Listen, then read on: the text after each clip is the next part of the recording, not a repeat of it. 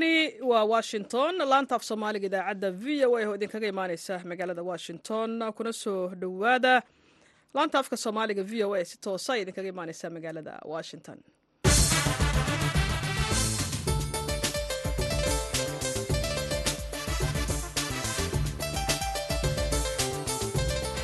Subax wanaagsan ah dhegaystayaal meel kastood naga maqlaysaan waa subax sabti ah bisha februari waa sanadka waxaad naga dhegaysanaysaan mawjadaha gaagaaban ee tobanka iyo sagaaliyo tobanka mitrban iyo bogga v o a somaly com. Saacadda afrikada bari waa lixda iyo barka aroornimo idaacadda saaka iyo caalamkana waxaa idinla socodsiinaya anigoo ah caashe ibraahim aadan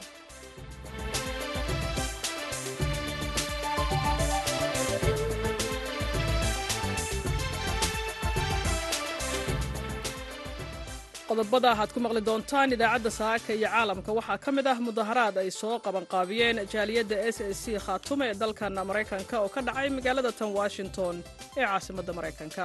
Wasaaradda arrimaha dabadda ee dowladda maraykanka washington baan joognaa. Waxaa halka dadka soomaaliyeed u yimaadeen inay u sheegaan ummadda soomaaliyeed iyo dadka maraykanka oo dhan in ay halkan rabaan inay dareenkooda muujiyaan. Dadkaasi waa dad dhulkoodii jooga cid ay wax ka galabsadeen ma jiro. Waxay yidhaaheen aayaha yagaan ka talinayna annaku sidaanu se xukumi lahayn. Dooni mayno inaan ka go'no waddanka soomaaliyeed. Inaan ismaamullaan doonanaa. Xaq bayna u leeyihiin. Waxaa sidoo kale aad maqli doontaan warbixin ku saabsan xaaladda deegaanadii laga saaray al-shabaab ee jubbada hoose. Xuska sanad guurada dagaalka yukrain iyo qodobo kale ayaad maqli doontaan balse marka hore waxaad ku soo dhowaataan warka caalamka oo aan idin akhriyo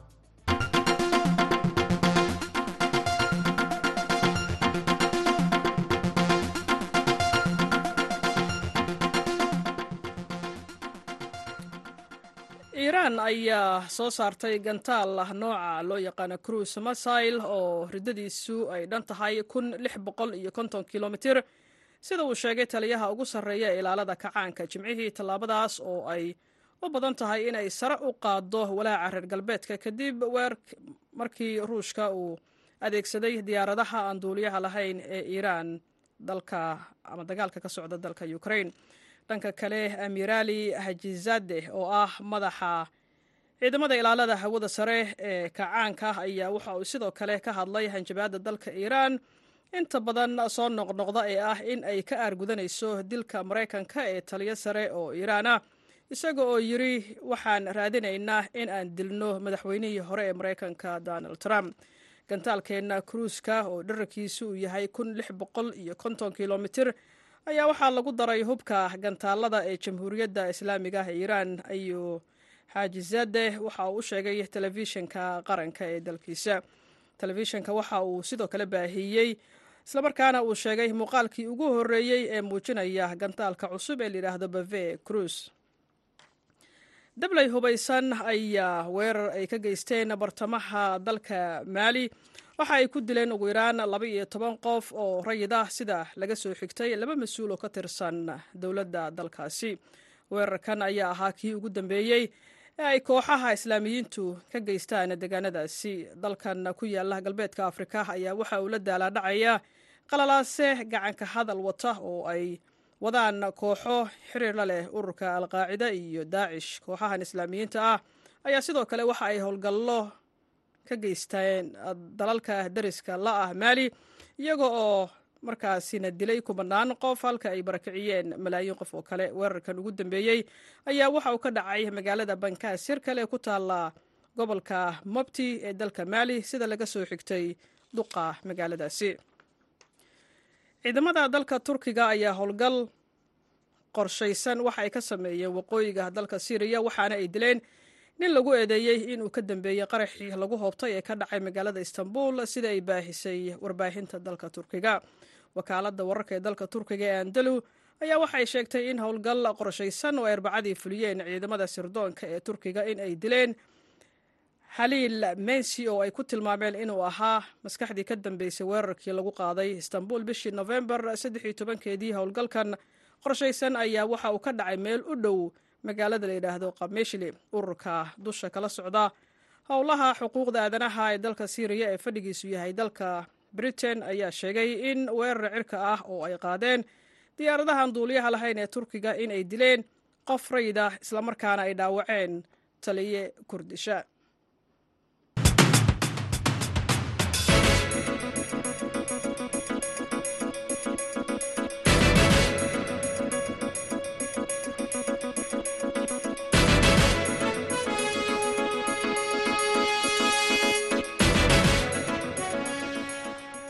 subax sabti oo wanaagsan ayaan dhegaystayaal mar kale hawada idinka leenahay meel kasta oo aad nagala socotaan in ka badan laba boqol oo dad ah oo ka soo jeeda deegaanada s a c ee khaatumo ayaa si weyn uga hor yimid uga hor mudaharaaday shalay gelinkii dambe bannaanka hore ee wasaaradda arrimaha dibadda ee maraykanka iyo safaaradda dalka jabuuti ee dalkan maraykanka.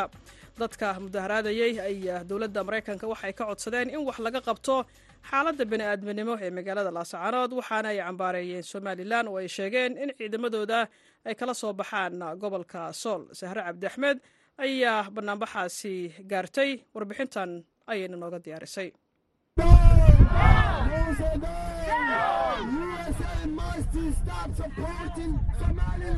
dadkan badi waxa ay ka kala yimaadeen gobollada dalkan maraykanka. Iyo sidoo kale gudaha dalka kanada oo qaarkood ay ka soo safreen waxayna ku dhawaaqayeen hadallo liddi ku ah somalilan oo ay sheegeen inay xadgudubyo ka geysanayso gobolka sool. Badi dadka bannaanbaxaasi ka soo qayb galay waxay wateen calanka soomaaliya waxayna muujiyeen dareenkooda ku aadan dagaalka ku dhowaad saddexda isbuuc ka socda magaalada laascaanood ee sababay khasaaraha baaxadda leh ee burburka iyo dhimashadaba isugu jira waxay dowladda maraykanka ka dalbadeen dadka bannaanbaxa dhigayay inay wax ka qabato tacadiyada soo gaaraya dadka shacabka ah ee dagaalkaasi intooda badan ku barakacay ama ku geeriyooday. Bannaanbaxayaasha oo dareenkooda muujiyey ayaa waxa ay sheegeen in dadka reer laascaanood ay xaq u leeyihiin in aayahooda ay ka tashadaan. Cabdirashiid maxamed faarax waxa uu ka mid yahay jaaliyadda s c ee gudaha gobolka virginia ee oodwadaagta la ah magaaladan washington. Carruurta odayaasha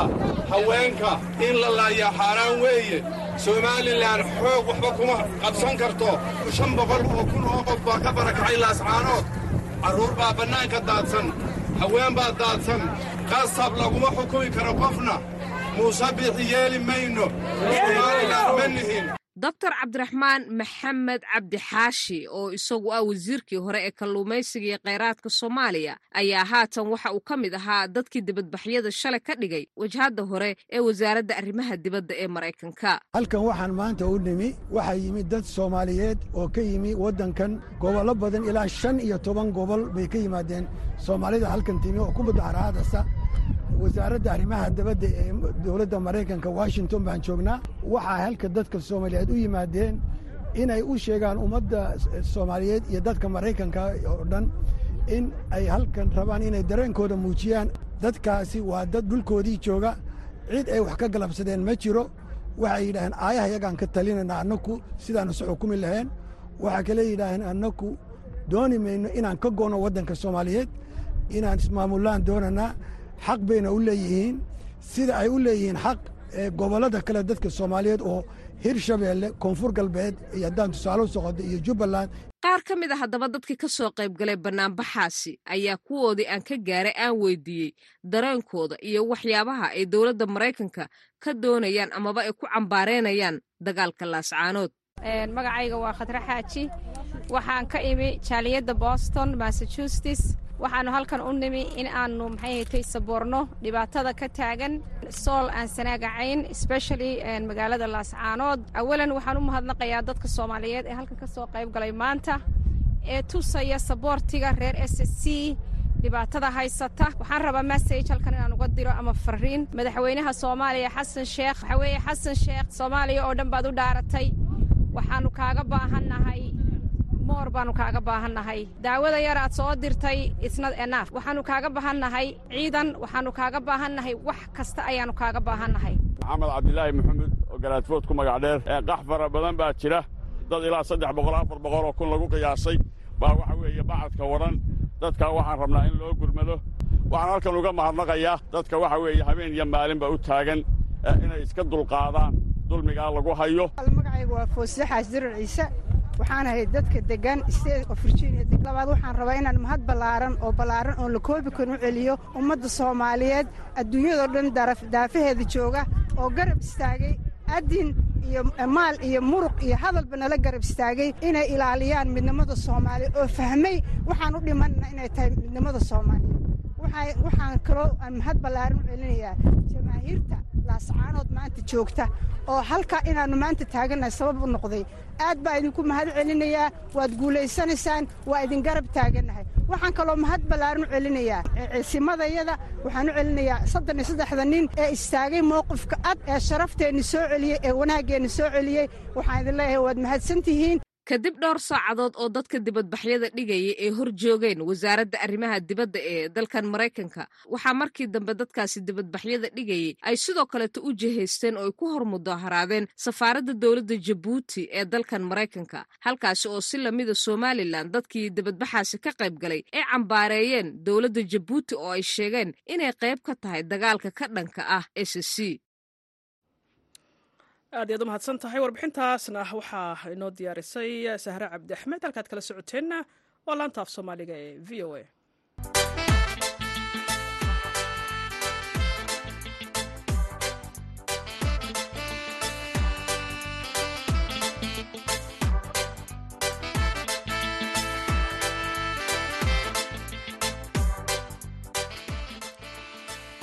wanaagsan. Mar kale meel kasta oo aad naga maqlaysaan mas'uuliyiin ka tirsan maamulka gobolka jubbada hoose ayaa gaaray.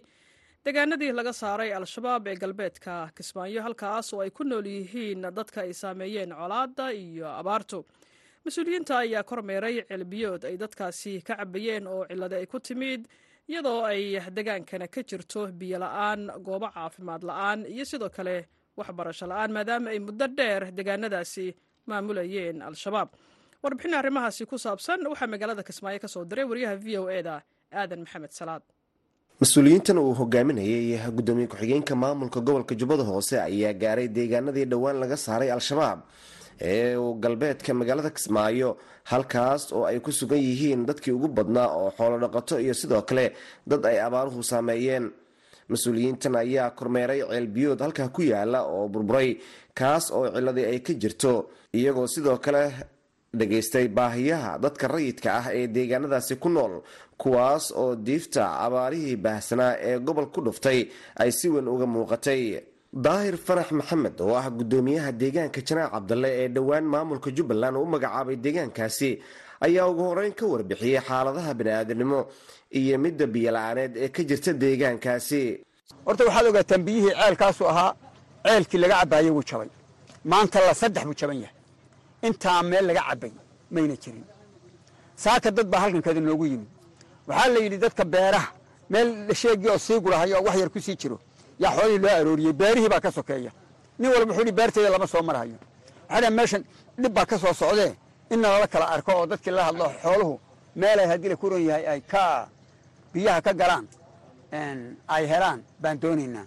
Markii ay ceelku joogay biyo cidna iskuma qabsanayna ceelkaasay dadku cabbayeen waxaan leenahay horta qoladiinan gobolka iyo degmada ka socota waxaan codsanaynaa dadka in gurma deg dega lala soo gaadho.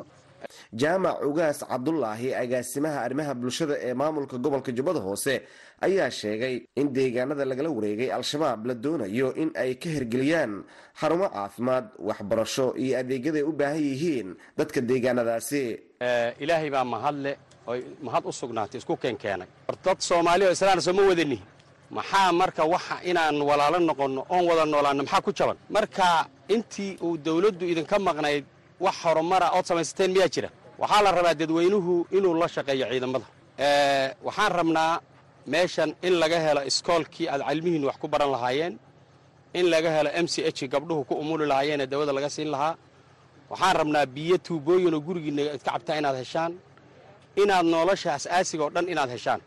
Najiib barre salaad oo ah gudoomiye ku-xigeenka arrimaha bulshada ee maamulka degmada kismaayo ayaa dhankiisa ugu baaqay dadka deegaanadaasi lagala wareegay al-shabaab ee ay ciidamada dowladda ku sugan yihiin sidii ay ula shaqayn lahaayeen ciidamada ammaanka. Islamar ahaantaana ay gacan u siin lahaayeen ciidamada ammaanka ee deegaanadaasi la wareegay. Amniga mas'uuliyad wadareeda naga saaran. Qofka yar iyo qofka weyn iyo ciidanka o dhan mas'uuliyada naga wada saaran. Cadowga waa jabay cadowgii aan laga baqin. Waxaan rabaa mar kale inaan ku celiyo cadowgan waa tegey saddex bilood ka hor birta dheer nimankii ugu imaanaysa sooma baabuurta canshuuraayo. Saakeena waxaa u malayaa seef birta dheer. Marka naf kastana way dhimanaysaa dhimashayaan laga baqin. Intaasaan rabaa inaan ku soo koobo. Muuse maxamed sheekh cabdikhayr gudoomiye ku-xigeenka gobolka jubbada hoose ayaa dhankiisa sheegay in ujeedka socdaalkooda uu yahay sidii ay u kormeeri lahaayeen xaaladaha nololeed iyo tan bani aadamnimo ee ka jirta deegaanada galbeedka magaalada kismaayo gaar ahaana deegaanadii dhowaan laga saaray al-shabaab iyo sidii ay wax uga qaban lahaayeen biyola-aanta baahsan ee ka jirta deegaanadaasi. Shacabka reer janaac cabdalle waxaan rabnaa waxaan ogaanay baahiidaha idiin haayo dhammaan. Way noo soo sheegtay waa noo sheegteen horin waa nala soo gaarsiiyey. Maantana waxaan u soconay waxaa weeyaan baahidiin inaan soo aragno. Iyo ceelkan go'ay oo maxaan ku yidhaahdaa jabay inasana inaan soo aragno ayay ahayd anagu ujeedkayna safey hay'adaha iyo qaaro nala socda oo ay wadeen wasaaradda arrimaha gudahana waxaan rabnay inaan idiin keeno. Ayagana sidoo kale baahiyaha aan tusino. Intaas waxaan rabnaa reer janaac cabdalle waxaan rabnaa inaad amniga ka shaqaysataan meeshaan waa meel waxay ahaan jirtay udubdhaxaad u ah nimanka cadowga ah ee khawaariijta ee diinta alla bedelay maanta ilaahay baa ku mahadsan waxaad la joogtaan dadkiinnii iyo shacabkii iyo dadweynihi baa isdhex socda. Tan iyo markii ciidamada jubbaland iyo kuwa xooga dalka oo isgarabsanaya ay la wareegeen deegaanka janaac cabdalle iyo deegaanada kale ee ku dhowdhow ee galbeedka magaalada kismaayo ayaa waxaa sii kordhayay tirada. Dadka ah barakacayaasha ahi iyo sidoo kale dadka ay colaada saameysay kuwaas oo dhibaatooyin dhanka nolosha ahi ay ku haysto deegaanadii lagala wareegay al-shabaab ee ay ku sugan yihiin ciidamada maamulka jubbaland iyadoona mas'uuliyiinta maamulka jubbaland ay bilaabeen in gurmad la gaarsiiyo dadkaasi iyadoona la filayo in dib loo howlgeliyo ceelbiyood ay dadka deegaanadaasi ay isticmaali jireen oo ay cilada ku timid. Aadan maxamed salaad v o a magaalada kismaayo.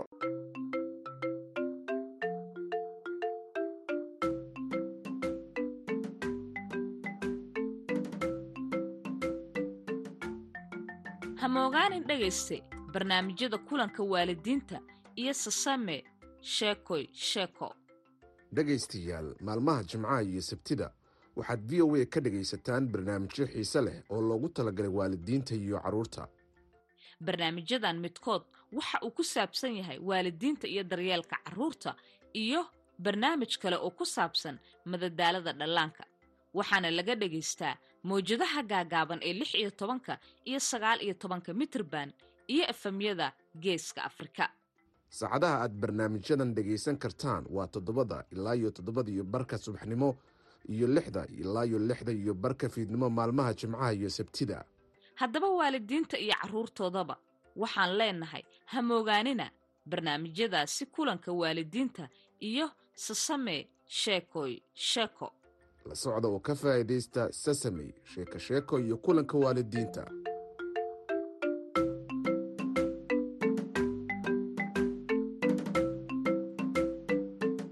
subax sabtiyo wanaagsan ayaan mar kale hawada idinka leenahay. Meel kastoo aad naga maqlaysaan dagaalka ukrain ee sana jirsaday wax weyn ayuu ka bedelay saameynna ku yeeshay xiriirka caalamiga ah. Washington dhowaan waxa ay ku tilmaantay madaxweyne putin inuu guuldaraystay moscow. Waxay dib u soo cusboonaysiisay cabsidii isticmaalka hubka nukliyeerka ah. Shiinuhuna waxaad moodaa inuu maraykanka ka qaatay mowqif adag saameyn intee la eg ayuu dagaalkani ku yeeshay xiriirka caalamiga ah. Shiinuhu ma u muuqdaan in ay si dadban u taageerayaan ruushka. Wariyaha v o ed ee qaaradda yurub cabdixaafid cawil ismaaciil ayaa arrimahani waxa uu ka waraystay maxamed xasan dable oo ah falanqeeyo degan dalka britain. Marka horese waxa uu weydiiyey inuu u muuqdo in dagaalka dalka ukrain uu dhammaad ku dhow yahay ama aanay weli fari ka qodnayn. Cabdi xaafid waxaa la odran karaa fari kama qodno sababtoo ah sanad guuradiisii labada dhinac ee dagaalka waxaan ka wadaa waa ukrain iyo rushiyaba hadallaa laga jeediyey. Xulafada ukrain madaxweynaha maraykanka ugu horeeyo hadalla garab istaag ah iyo in mataqaanaa uu ruushka ku guulaysan dagaalkan in ay tahay inaynan marnaba aqbalaynin. Hadalla ah oo isku garab istaagayaan taageeradana u sii ballaarin doonaan ukrain ayay u yabooheen laba bilyan oo dollarka maraykanka oo dheeria in la siin doono. In diyaaradaha f ka la siin doono laakiin aynan ahayn marxaladahan dhow ee ay ugu talagaleen aragtida fog iyo yoolka fog inuu yahay. Waa haddii laga fursan waayo. Marka deg deg ma aha in f sixteenka la isticmaalayo hadda laakiin in waxaa halkaa ka cad marka dagaalka dhinaca reer galbeedka inay ku talagaleen in uu dheeraan doono oo uu sii socon doono dhanka ruushka madaxweynaha ruushka hadal uu jeediyey wuxuu u muuqday nin ku talagalay isagana dagaalkan inuu muddo dheer socon doono. Waa tahay. Wasiirka arrimaha dibadda ee ruushku waxa uu soo bandhigay qorshe nabadeed ee ka kooban labiyo toban qodob. Maxaa kaaga baxay qodobadaas? Qodobadani runtii waa laba iyo toban qodob waana si guud bay u hadlayaan. Ka ugu horeeyo xushmaynta siyaadada qaran ee dowladaha. Marka arrinkan ukraine iyo ruush buu khuseeyey maxay ahaday mu uusan qeexin si toos ah labada dal oo muuse oran. Ruush hadduu macnaha ka hadlayo in siyaadadiisa qaran lagu xadgudbay ruush muusan magacaabin ama ukraine muusan magacaabin. Marka marka koowaad ba la taliyaha amniga qaran ee madaxweyne biden jake sullivan wuxuu yidhi qorshaha uu soo bandhigay ruushka marka horeba qodobkiisa koowaad buuba ku toogtay buu yidhi inta kale. Marka waxay ka soo qaadeen waxaan macno lahayn wuuna ka falceliyey valadimir zelenski wuxuu yidhi mataqaanaay wax wada hadal oo geli karna ma laha ilaa uu ruushka ku noqdo xuduudadii la kala joogay kun sagaal boqol iyo kow iyo sagaashankii markii sovietka uu burburay.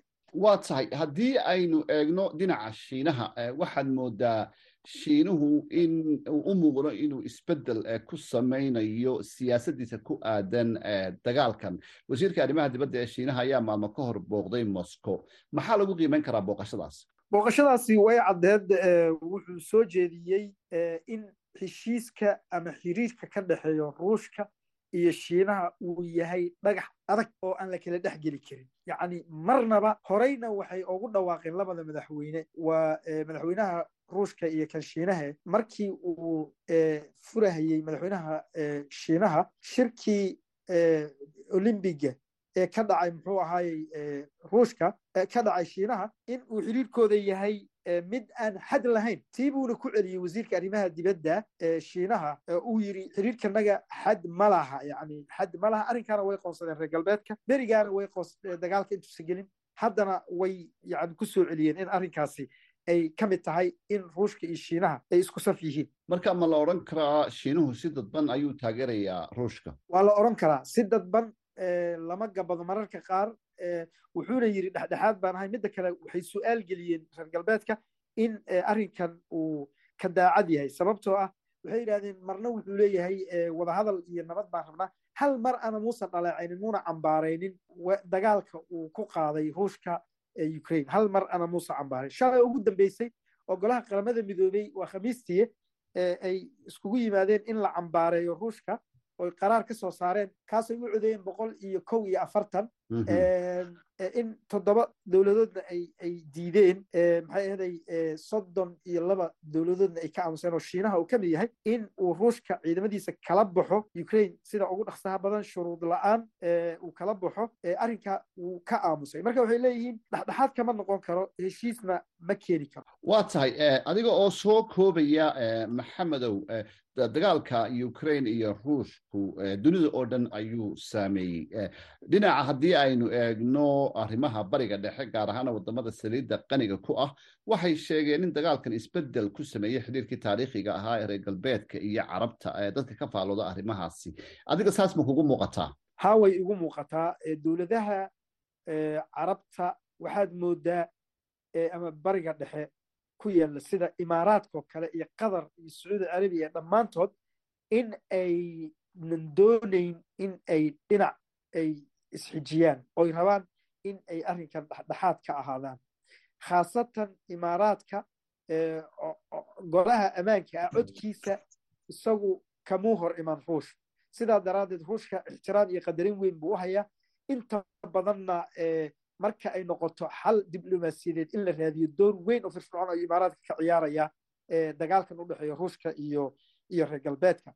Midda yani in hoosta laga xariiqo ay tahay waxa weeye dagaalkan waa dagaal la doonayo oo maraykanka way caddeeyeen waxay dhaheen wuxuu doonayaa ruush iyo shiinaba waxay doonayaan in ay bedelaan inqilaabaanna nidaamka ama caalamka nidaamka ku dhisan xeerka ku dhisan iyo maxay ahaday qawaaniinta ku dhisan ayay u arkaan. Nimanka chinaha iyo ruushkana waxaad moodaa in ay iyaguna doonayaan in loo sinaado awoodda caalamka oo ay cod weyn ku yeeshaan. Kaasi waxa uu ahaa maxamed xasan dable oo falanqeeya arrimaha siyaasadda oo degan dalka britain. Waxa uu warramaya wariyaha v o eda ee qaaradda yurub cabdixaafid caawil ismaaciil. Halkaad kala socoteenna laanta af soomaaliga v o ay si toos idinkaga imaanaysa magaalada washington. Meel kasta oo aad naga maqlaysaan waxaan idin leenahay subax sabti oo wanaagsan. Annaguna waxaan idin cayaaraynaa liilalow iyo codka allah u naxariistee maxamed suleymaan tube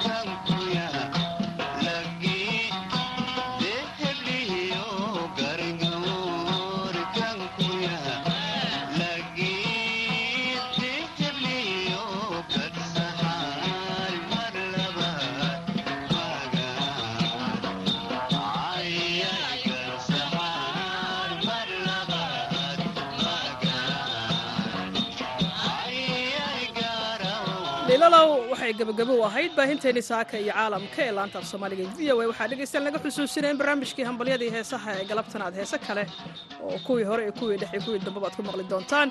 Dhinaca farsamada idaacadda waxa uu ahaa ismaaciil xuseen maxamed farjar waxaa idinla socodsiinaya anigoo ah caashe ibraahim aadan intaan mar kale kulmayno sidaasii nabadgelyo